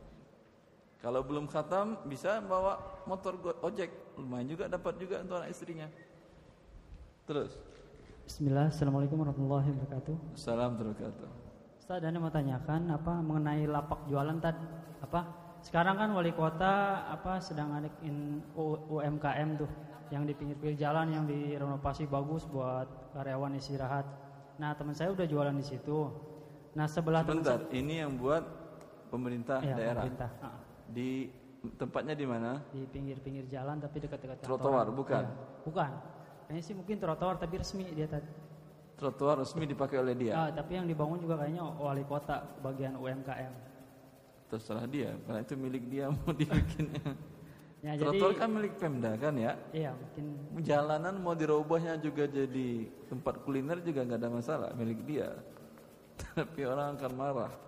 Terus. Terus, nah teman anda udah jualan di situ tadi. Nah sebelahnya ini mau dijual karena nggak laku apa sepi, Allah alam ya. Nah apa? Jual lapaknya. Jual lapaknya sesuai prosedur di wali kota harusnya kita daftar dulu ke wali kota, tunggu nunggu antrian. Tapi fakta di lapangan kayaknya Mereka apa? dijual beli di bawah tangan berarti. Iya, ya di situ teman saya jual udah nah, menawari ke saya. Saya mungkin langsung tanpa sepengetahuan orang wali kota. Jadi kita beli sama yang punya lapak langsung beli, terus tanpa sepengetahuan wali kota gimana hukumnya itu tadi? Melanggar peraturan pemerintah kan Pemda ya. Allah. Kan iya kata antum tadi, harusnya beli ke antri tungguan, antar daftar tunggu antri di wali kota. Di wali kota. Anda jual di bawah tangan. Iya, Padahal maksudnya ada, iya. ya. Tujuannya ada dan hikmahnya banyak. Berarti kan melanggar tidak taat ke wali amr, ya atau tidak? Iya. Nah, berdosa atau tidak? Berdosa. Berdosa, tinggal bertobat kepada Allah. Tapi tadi fakta di lapangan orang wali kota Allah alam sih. Kadang setiap ada yang kosong pasti ngasih buat saudaranya gitu tadi. Kita kalau ngikutin prosedur nggak mungkin dapat dapat. Termasuk darurat apa enggak? Rezeki Anda dari wali kota atau dari Allah? Dari Allah. Yang salah tadi biarkan disiksa oleh Allah dia. Anda ikut bikin salah juga, biar juga ente disiksa juga sama Allah. Kita ingin lihat bersama nanti bagaimana siksaan Allah kepada mereka dan Anda. Terus dat yang kalau lapak pinggir jalan, terus yang nggak ada muasai depan-depan mall gitu, kan situ nggak ada yang punya gitu kan? Pihak mall juga membiarkan tuh rame posisinya. Siapa yang tidak ada yang punya? Tapi punya Pemda. Bu- Bukan yang pinggir-pinggir mall kayak Taman Jakarta Barat tuh apa namanya? ya? Pinggir-pinggir mall itu punya Pemda atau bukan? Parkiran kan punya Pemda, ya atau tidak? Mungkin punya Peraturan pemerintah daerah kan begitu. Walaupun gedung milik Anda, Iya, tetapi yang parkiran itu milik Pemda. Ya atau tidak? iya. Setahu saya seperti itu. Atau ada peraturan yang lain yang Anda tahu? Hah? Sama juga fasum fasos di perumahan-perumahan. Walaupun yang bangun developer itu otomatis menjadi milik Pemda. Jalanan, lapangan, masjid, ya, hall atau balai balai bal- atau ruang pertemuan itu otomatis milik Pemda. Walaupun yang bangun pihak developer. Tapi kayaknya membiarkan tat sampai rame kalau sore rame gitu. Nah, ketika saya mau ngisi, taunya pihak ada pihak preman gitu. Kamu kalau mau isi ini harus bayar ke kita. Kalau enggak nggak bisa jualan. Terus Nah, posisinya kita darurat nggak tat? Saya harus kata siapa darurat Anda jualan di situ? Orang jualan dari rumahnya pakai internet bisa. Makan juga dia lebih banyak uangnya. Enggak, contohnya saya Tidak mau ada jualan daruratnya ya. mau jualan di situ tat, tapi kalau nggak bayar saya nggak bisa jualan di situ. Ya udah cari cari yang halal tempatnya sehingga berkah harta Anda dimakan dan banyak diberikan dari Allah. Saya kenal anak muda sepantaran Anda umurnya dapat sebulan itu lebih dari satu miliar jual beli online saja. Paham tuh? Bulan satu miliar lebih. Ya, Barakallahu fiik, Ustaz. Allah Assalamualaikum warahmatullahi wabarakatuh. Sebentar Ibu, gilirannya tiga tiga apa satu tiga? Tiga Assalamualaikum Ustaz. Salam. Sebentar Ibu. Ustaz, saya menjalani profesi sebagai konsultan kesehatan Ustaz. Masya Allah. Saya Maksudnya apa ini konsultan eh, kesehatan? perizinan, perizinan bikin pabrik farmasi, rumah sakit atau indu- eh, industri apa pun di bidang kesehatan. Perizinannya melalui antum. Iya. Biro antum berarti. Iya, gitu. Biro pengurusan perizinan. Betul. Dan kebetulan karena saya memang di basic di situ, jadi kita saya lebih profesional memberikan eh, apa saran-saran sesuai dengan bidang keahlian saya. Ah, Masya Allah. Nah, saya sering dapat begini Ustadz, misalkan saya disuruh buat perizinan rumah sakit. Ah. Saya sudah hitung waktunya selesai dalam jangka waktu setahun. Perizinan tadi. Perizinan tersebut. Ah. Nah, terus dapat saya dapat fee sekian misalkan tak ya. Nah, dalam perjalanannya ternyata melebihi dari setahun Ustaz. Ya. Misalkan setahun setengah. Ya. Nah, dalam analisanya terjadinya keterlambatan itu lebih seringnya Ustaz disebabkan oleh mereka karena Apa? ketidak disebabkan oleh mereka, oleh Mereka klien saya, klien saya. Ah, rumah Karena pihak rumah sakit tadi. Iya, karena tidak lengkapnya dokumen Ustaz. Terus Pertanyaannya, apakah seperti itu dari melebihi dari waktu yang sepakati setahun jadi satu tahun setengah karena kesalahan dia yang dokumennya tidak lengkap itu bagaimana hukumnya Ustaz? Apakah masih halal atau tidak Ustaz? apanya masih halal? Tambah fee-nya Anda maksud? Bukan, fee-nya tidak bertambah Ustaz. Tapi melebihi dari perjanjian. Harusnya se- satu tahun selesai. Tapi jadi satu tahun setengah gitu Ustaz. Dia akan menyewa jasa Anda untuk mengeluarkan perizinan. Betul. Kan Dengan estimasi setahun belum keluar izin. belum keluar. Iya. Ya, Berarti kan belum selesai akadnya. Belum selesai walaupun melebihi waktunya Ustaz. Ya, nggak Walaupun apa-apa ya. lebih waktunya. Nggak apa-apa Ustaz. Memang harusnya seperti itu. Kalau setahun Anda berhenti, izinnya bisa lima tahun lagi keluar. Iya. Berarti tidak masalah ya Tidak selesai baru masalah. setahun setengah. Maka Anda kalau tidak jelas ada keterlambatan dari dia, buat klausul perjanjian sanksi. Bila ada keterlambatan dari Anda, kalau penyebabnya adalah pihak klien, maka sisa waktu dari yang telah saya tetapkan dibayar oleh klien dengan per bulannya sekian. Oh, denda gitu ya. Ya iya, sanksi. Boleh ya Ustaz? Ya boleh. Ini bukan keterlambatan hutang, keterlambatan akibat Kelalaian dia. kelalaian dia. Iya. Jadi kalau dokumen tidak lengkap kami nggak bisa masuk gitu, nggak bisa masuk Baik. berkas. Sama juga Anda umpamanya kontraktor minta dibangunkan selama satu tahun. Tetapi set- baru satu tahun habis 3 per 4 dari material. Habis itu dia nggak punya uang lagi. Tapi kontrak sudah untuk satu tahun. Hah? Iya. Anda akan terkatung-katung terus Anda ingin terima kontrak yang lain, nanti khawatir dia pada waktu itu ada materialnya. Nggak jadi lagi dia kerja. Itu boleh dibuat sanksi dari awal. Baik Ustaz. Satu lagi Ustaz tentang paytren. Nah, ada apa yang Paytren ada dua Ustaz, ada yang bisnis, ada yang pemakaian sendiri. Dan Ustaz menyatakan kalau yang bisnis haram karena MLM Ustaz. Kalau yang pemakaian sendiri saya hanya akan menggunakan untuk biaya pulsa saya, bayar listrik, halal nggak? Boleh nggak Ustaz? Tidak untuk bisnisnya, hanya pemakaian sendiri. Tetap Anda ber- berbayar ini atau tidak? Keikut pesertaannya berbayar atau tidak? Oh iya, bayar. Ah, sudah. Anda membayar ikut serta ini ingin dapat bonus atau tidak? Kalau saya memang saya belum. Jadi dulu saya mau mau gabung Paytren sejak dapat kajian Ustadz jadi galau Ustadz. Makanya saya tanyakan. Tetapi di hati saya Karena ini saya hanya untuk kebutuhan sekarang sendiri Ustadz. Apa easy, apa namanya Frezi easy easy pay gratis kan ya? Iya. Kenapa orang mau PTN berbayar? Bonus pasti yang diharapkan dia. Maka sesungguhnya ketika dia tidak ada nilai, ada yang gratis, orang nggak mau yang gratis. Padahal orang pasti mau yang gratis. Tetapi karena ini ada bonusnya, ini tidak ada bonusnya, walaupun dia berbayar mau dia yang itu karena berbayarnya kecil. Tapi kecil kalau satu orang, kalau kumpulan ratusan orang, jutaan orang besar jadinya. Maka ini gharannya tinggi dan ini riba. Jadi walaupun hanya tidak untuk bisnis tetap nggak boleh Ustaz ya. Ya, masya Allah. Barakallah. Assalamualaikum warahmatullahi wabarakatuh. Walaupun sudah ada fatwa halal dari pihak Dewan Syariah Nasional, itu urusan mereka. Ya. Terima kasih Ustaz. Allah Assalamualaikum. Assalamualaikum. Assalamualaikum Ustaz. Eh, saya ingin tanyakan. Assalamualaikum. Eh, saya kan eh, lagi ada akad sama teman nih eh, peminjam duit gitu. Terus saya kasih Akad pinjam uang. pinjam uang, terus saya kasih jaminannya berupa laptop saya nih. Laptop Nah, ternyata kan eh, saya lagi proses menggunakan laptop itu untuk eh, pengerjaan skripsi. Nah, terus eh, pas semua skripsi udah selesai, eh, saya mau lakukan sidang, saya butuh duit. Akhirnya eh, saya pinjam uang itu ke teman dengan jaminan laptop. Tapi qadarullah setelah selesai sidang skripsi, saya membutuhkan laptop itu lagi untuk eh, revisian skripsi saya untuk sebelum selesai semuanya. Nah, ini boleh nggak sih Ustaz? Maksudnya, Anda ngerasa kayak ini riba juga nggak gitu? Maksudnya, Anda udah kasih jaminan nih laptop, eh, saya terima duitnya, dan tapi saya udah bilang sama dia, laptop ini nggak bisa antum pakai gitu kan? Anda tahu sudah tahu sendiri juga hukumnya gimana. Tapi tiba-tiba Anda ngerasa Anda nggak punya laptop lagi nih untuk revisian. Akhirnya apaan pinjam pinjam lagi aja ya sama laptopnya gitu. Terus eh, itu gimana Ustaz ya? Boleh, Boleh Ustaz? boleh.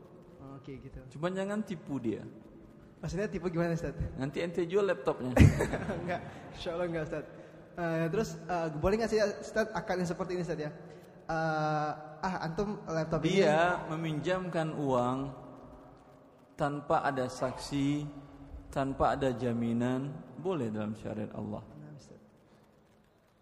Jual beli tidak tunai tanpa ada jaminan, tanpa ada saksi, tanpa ada kata tertulis dalam syariat Allah boleh.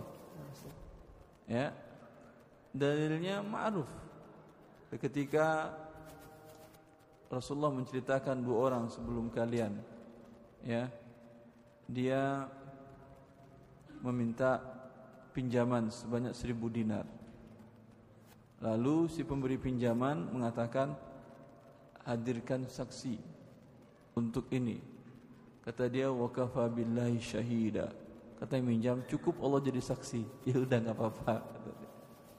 Lalu kata yang beri pinjaman tolong hadirkan garantor penjamin. Ya, pada saat anda nggak bayar saya bisa tagih ke dia. Kata yang minjam wakafa billahi kafila. Cukup Allah sebagai garantor penjamin. Tinggal senyum, iya udah nggak apa-apa. Boleh. Dan terjadi kisah yang ma'ruf yang di luar kemampuan manusia karena keikhlasan keduanya karena menjadikan Allah sebagai penjamin. Terus Ya. Uh, satu lagi Ustaz, uh, misalkan uh, Anda pengen misalkan kan ini kan teman udah bantu Anda nih, terus Anda berpikir kayak gimana kalau nih laptop akadnya kita jual beli gitu Ustaz ya. Maksudnya antum be- be- beli laptop ini harga harga laptop ini hampir sama dengan uh, uang yang Anda mau pinjam gitu Ustaz ya. Dan terus uang yang Anda- pinjam sama dengan laptop. Iya laptopnya harus Udah dari awal aja jual laptop ke dia. Maksudnya dan terus misalnya kalau tiba-tiba Anda pengen misalnya eh, pengen apa Dari ya? awal jual laptop ke dia. Ketika anda butuh pinjam atau sewa. Oh, gitu Ustaz. Selesai Ustaz. Dan terus kalau misalkan tiba-tiba Anda nih antum beli laptopnya nanti kalau Anda uangnya udah ada, Anda bayar lebih gitu, Anda beli lagi laptopnya itu boleh nggak sih Ustaz? Tidak boleh. Ustaz, ya? namanya. Oh, nah Ustaz. Jazakallah khair. Kalau ada punya uang nanti saya beli dengan harga awal berarti kan ya sama saya lebihkan. Ini namanya inah. Baik. Bapak-bapak sudah selesai, ikhwan? Satu lagi. Eh, akhwan, akhwat dulu. Udah tiga, ikhwan. Ya, akhwat, silakan. Assalamualaikum warahmatullahi wabarakatuh. Assalamualaikum warahmatullahi wabarakatuh. Eh, ini Pak Ustaz saya mau nanya eh, apa hukumnya kita menjual eh, pupuk subsidi. Pertama kita beli, terus kita jual lagi. Tapi itu pupuk subsidi. Pupuk subsidi Anda beli. Iya, terus kita jual lagi. Anda jual dengan harga subsidi atau harga non subsidi? Iya, harganya harga non subsidi. Eh, dia maksud pemerintah tujuannya bukan untuk dijual belikan atau memang untuk didagangkan? Iya. Hah? Jawab. Tidak, tidak di- khusus buat eh, masyarakat kayak Ustaz. Khusus untuk digunakan end user bukan untuk diperdagangkan. Iya atau tidak? Iya. Berarti Anda berdosa atau tidak? Misalnya gini Pak Ustadz kan nggak ter, misalnya khususnya buat petani. Terus sama petaninya nggak nggak kepake semua. Terus mereka jual ke kita. Terus ntar kita jual lagi. Itu nggak memang nggak kepake lagi buat petaninya. Udah melebihi. Kalau jual ke petani yang lain dengan harga subsidi juga. Paham? Jadi kalau dijual dengan harga subsidi lagi boleh ya Ustadz? Boleh. Karena Anda hanya sekedar minta penggantian uang Anda, bukan dagang Anda. Kalau dagang mendapatkan keuntungan. Kalau Anda jual ke pihak yang lain pasti Anda untung. Misalnya gini Pak Ustadz, dia jual ke kitanya harga di bawah di subsidi. Terus kita jualnya harga subsidi, boleh nggak Ustadz? Kenapa? dia jual eh, petaninya, kelompok petaninya jual ke kita dengan harga di bawah subsidi. Dia beli gitu Enggak, dia jual ke kita. di bawah harga subsidi. Iya. Terus kita jualnya dengan harga subsidi. Harga di bawah subsidi. Boleh. Anda beli dengan harga di bawah subsidi dari petani, Anda jual harga subsidi kepada yang lain boleh. Iya. Ya, satu lagi Pak Ustadz. Ya. Eh, saya eh, jualan baju baju pe- perempuan tapi tidak syar'i. Eh, memang sih pakaiannya tetap tertutup, eh, tidak kebuka kayak seperti tunik, kulot. Itu apa hukumnya Ustadz? Ini pakaian luar atau pakaian rumah? Kalau maksudnya dijual pakaian pasti dipakai sama orang buat di luar. Desainnya maksud saya kan ada desain pakaian luar dan pakaian rumah, ya atau tidak? Apalagi pakaian ibu-ibu, ya atau tidak ibu? Pakaian luar. Memang didesain untuk di luar rumah, Iya. ah, tapi tidak menutupi aurat. Eh, tertutup aurat syar'i. Hah? Jadi loh Pak Ustadz Tutup bajunya aurat tapi tidak syar'i bagaimana kisahnya ini? hanya menutup Pak Ustadz tidak Hah? syar'i, hanya menutup membalut. Yang enggak syar'inya apa? Ge- seperti gini loh Pak Ustadz eh, dia pa- pakaiannya kayak blus. Kalau syar'i itu kan yang pakai khimarnya yang tertutup semua, pakai gamis. Tapi kalau ini eh, kayak blus, tunik, celana gitu Pak Ustadz. Enggak ngerti saya. Tuning, blus. Jualan jualan kemeja Pak Ustadz. Kemeja, tapi Kemeja buat untuk perem- perempuan. perempuan. Iya. Enggak boleh. Cukup Terus yang selama ini udah udah saya jalani gimana Pak Ustadz? Misalnya uang yang saya dapat dari selama ini gimana? Karena sebelumnya saya kan belum tahu. uang yang Anda dapatkan selama ini tidak halal. Jelas? Ya, Iya. Ya makasih Pak Ustadz. Allah barik fiik.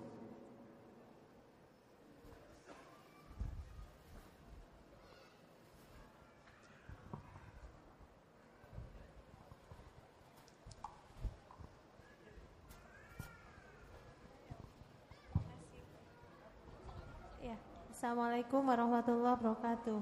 Warahmatullahi wabarakatuh. Untuk Ustadz Erwandi, semoga selalu dirahmati oleh Allah beserta keluarganya. amin. Allahumma Ustadz, saya mau menanyakan tentang sedikit tentang badal haji. Tadi kan Tentang? Ustadz menyi- badal haji. Bukan ba'dal, badal. Oh badal, ya maaf maaf.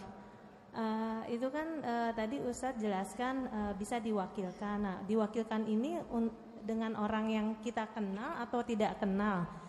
Dan eh, yang Kalau tidak kenal nanti uang diambilnya dia nggak berangkat haji. Enggak, eh, kan fenomena yang ada sekarang nih Ustadz saya eh, suka dengar eh, mengingat eh, haji di sini terlalu mahal, orang berangkat haji di sana dan di sana biasanya mereka menyuruh mahasiswa yang eh, sudah eh, mukim atau tinggal sementara di haji dengan eh, pertimbangan eh, lebih murah membiayai mereka. Nah, itu hukumnya Anda seperti kenal apa? mahasiswanya atau tidak? Enggak. Di Mekah itu ada mahasiswa yang benar taat kepada Allah, Iya. takut kepada Allah. Ada mahasiswa juga yang tidak Enggak, takut kepada Allah, yang carinya uang. Iya, berarti Dan in- terkadang Hah? bukan mahasiswa juga. Oh. Terkadang para orang-orang yang apa overstay di sana kerjanya seperti itu. Hmm, Berarti intinya eh, kita harus eh, Kalau anda punya ustadz Iya. atau teman atau kenalan tetangga kerabat yang dia kuliah di Madinah atau kuliah di Ummul Qura, Hmm. bilang ke dia, "Kamu tolong hajikan atas fulan atau bapak atau kakek saya, ya nanti biaya hajinya saya berikan." Hmm, iya, Ustaz. Itu kebiasaannya kalau haji dari dalam juga mahal. Haji dari Madinah atau Mekah itu nggak kurang dari 4.000 real yang resminya. Hmm, Iya iya. Berarti eh, kesimpulannya kita harus eh, memberikan eh, kesempatan hajinya itu untuk orang yang kita benar-benar tahu kesolehannya ya Ustadz ya. Ya iya, kalau nanti uang di, uang anda udah habis nggak berangkat haji, nggak ada gunanya. Dan itu banyak. Kadang apalagi kalau nggak takut kepada Allah, terima dari lima orang dia berangkat sendirian. Yang sah haji yang mana? Seperlima dari lima itu sah. Yang empat per lima empat per limanya nggak sah. Paham? Paham paham Ustadz. Ya terima kasih. Satu lagi Ustadz ya Eh, mengenai eh, GoFood atau GoPay Ustadz kan kemarin saya pernah dapat sharing tentang kita kalau tra- eh, transaksi dengan beli makanan pakai GoFood untuk drivernya itu kan nggak boleh karena ada dua akad ya Ustadz. Nah kalau untuk eh, pemakai GoPay ini kita customer kita boleh nggak pesan makanan melalui GoFood Ustadz? Saya dapat laporan baru dari teman dari Malang bahwa antara perusahaan Go Gojeknya dengan restoran-restoran tersebut di sana ada 15% kan mereka ada kesepakatan dengan restoran-restoran itu. 15% fee yang diminta oleh Gojek kepada restoran-restoran tadi. Saya ada baca akadnya Memang seperti itu. Mereka tagihkan per tahun. Berarti mereka yang mereka tagihkan ke nasabah, ke customer, customer itu harga real atau harga bohong? Saya kurang tahu Ustadz. Kita Harga bohong karena harusnya dia dapat diskon 50% nanti dia ambil. Oh, Paham? paham paham. Harusnya umpamanya 100 ribu yang, ditagih, yang tertulis memang 100 ribu Tetapi dia dapat fee 15% Berarti yang ditagihkan adalah sebetulnya fee itu milik anda atau milik dia? Milik dia. Milik Saya kasih uang ke seseorang Pak belikan saya, anda wakil saya Hah? Belikan saya makanan segala macam Ini uang satu juta, barang satu juta Lalu dia di sana diberikan apa namanya diskon. Diskon itu milik dia atau milik saya? Milik pembeli, pembeli Ustadz. Saya, saya. Saya Ustadz saya, Iya, milik saya. saya. kan saya yang ngasih ke dia. Paham anda itu? Paham, paham. Sama juga anda diwakilkan oleh pihak sekolah. Belikan A, B, C, D. Ya. Lalu dapat diskon. Halal anda ambil? Tidak halal. Walaupun dalam terkadang malah sengaja dia berbohong. Hakikatnya harga sejuta, Pak tolong tulis sejuta lima puluh. Iya atau tidak? Maka tidak halal diambil 50 ini. Maka kalau yang realnya adalah 950, Pak tolong kalau ada diskon kan ya tolong tulis 1 juta. Halal diambil 1 juta? Tidak. Paham? Oh, Tapi kan itu Ustadz antara penjual sama pihak eh, penyedia jasa. Nah kita sebagai customernya kan taunya hanya beli makanan aja. Itu nggak boleh ya Ustadz? Tidak boleh ini. Hmm. Allah barik fikum. Ya udah Ustadz. Jazakallah khairan Ustadz. Allah barik fikum.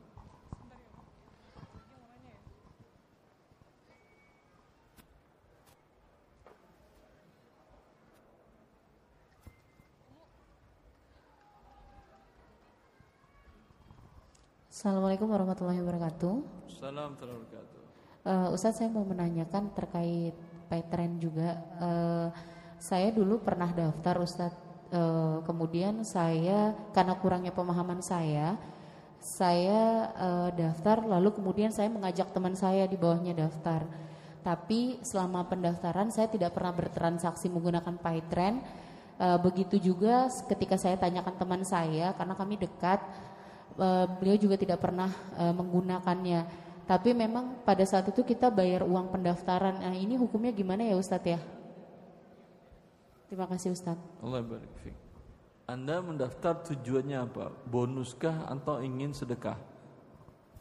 Kalau waktu awal itu karena saya nggak ngincer bonus juga, saya pingin make supaya transaksi mudah aja Ustadz. Tapi kalau transaksi mudah ada yang gratis.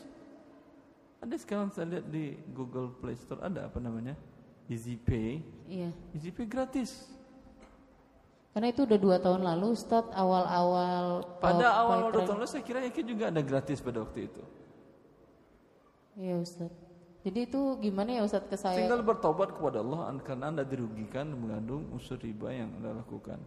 Iya Ustadz. Sudah tahu. Makasih Ustadz. Allah barik Assalamualaikum warahmatullahi wabarakatuh. Assalamualaikum uh, teman saya sedang ada masalah terlilit hutang kartu kredit Ustadz. Uh, bolehkah saya membantu untuk menutup hutang tersebut? Pokok hutangnya boleh Anda bantu. Oh. Ribanya tidak boleh. Bunganya tidak boleh. Oh. Baik, makasih Ustadz. Allah Bapak-bapak yang mau tanya, silakan. Assalamualaikum Ustadz. Uh, Assalamualaikum warahmatullahi Di, di tempat saya baru mulai ada pengajian untuk undang ustadz. Untuk uh, mengundang seorang ya, ustadz. Untuk undang ustadz. Uh, untuk itu mulainya kajian rutin, jadi uh, dibilang dari jam segini sampai jam segini. Yeah. Di hari ini ustadz itu sanggupin dan uh, ustadz itu eh dari teman-teman di tempat kita bilang, tapi kita nggak bisa bayar sesuai kita nggak nggak tentu bayarnya berapa uh, Ustadz itu sanggupin. Uh, nggak apa-apa saya juga nggak minta ya nggak minta bayaran. Uh, apa itu masuknya tijaroh atau dharma? Dharma. Dharma. Boleh berarti kayak gitu boleh. Jazakallah khair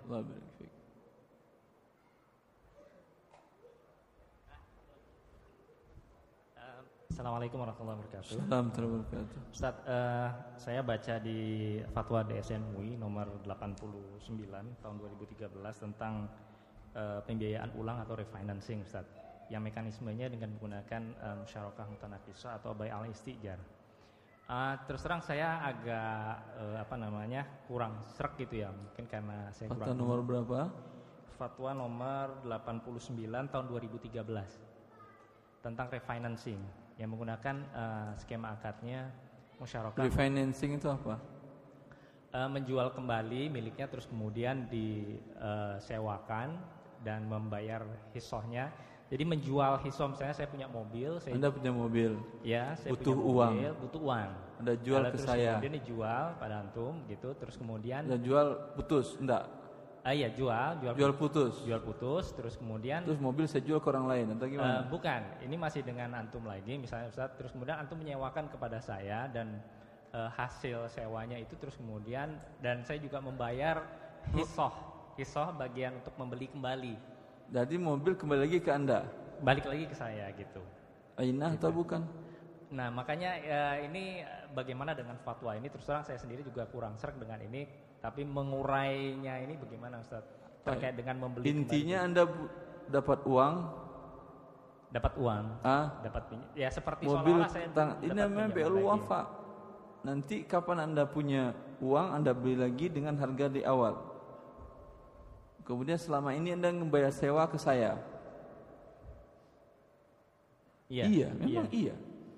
Hmm. Ini namanya BL wafa diharamkan oleh seluruh para ulama kecuali mazhab Hanafi di India. Hmm. Kalau terkait dengan ini Ustaz dengan kalau musyarakah mutanakisahnya sendiri dengan menggunakan skema musyarakah mutanakisahnya sendiri. Karena kalau di sini kan merujuk misalnya fatwa ada pendapat dari Syekh Wahbah Zuhaili yang me membolehkan uh, tentang uh, apa namanya? Uh, musyarakah mutanakisah boleh. Tapi dari awal kita ingin beli rumah mobil itu berdua. Kamu sekian, saya sekian. Hah? Iya. Pak saham saya 70%, saham Anda 30%. Kemudian setelah itu setelah kita miliki bersama, kemudian Anda ingin pakai, ya udah pakai. Sewa saya kemudian saham saya naik, saham beliau berkurang, ya atau tidak? Iya. Iya. Boleh pada dasarnya boleh. Tetapi tujuan mereka bukan itu dan tidak menulis standar untuk akad musyarakah mutanakisah. Hmm. Iya. iya. Jadi eh, terkait dengan ini gimana Ustaz? Inah saya bilang. Inah ya termasuk. Inah. Ya. Masuk bagian dari riba dan pengelabuan riba. Hilah dari jual beli begitu Ustaz ya. Ya. ya. Terima kasih Ustaz. Assalamualaikum warahmatullahi wabarakatuh. Selesai? Tutup? Kesimpulan Subhanakallah bihamdika asyhadu an la ilaha illa anta astaghfiruka wa atubu. Assalamualaikum warahmatullahi wabarakatuh.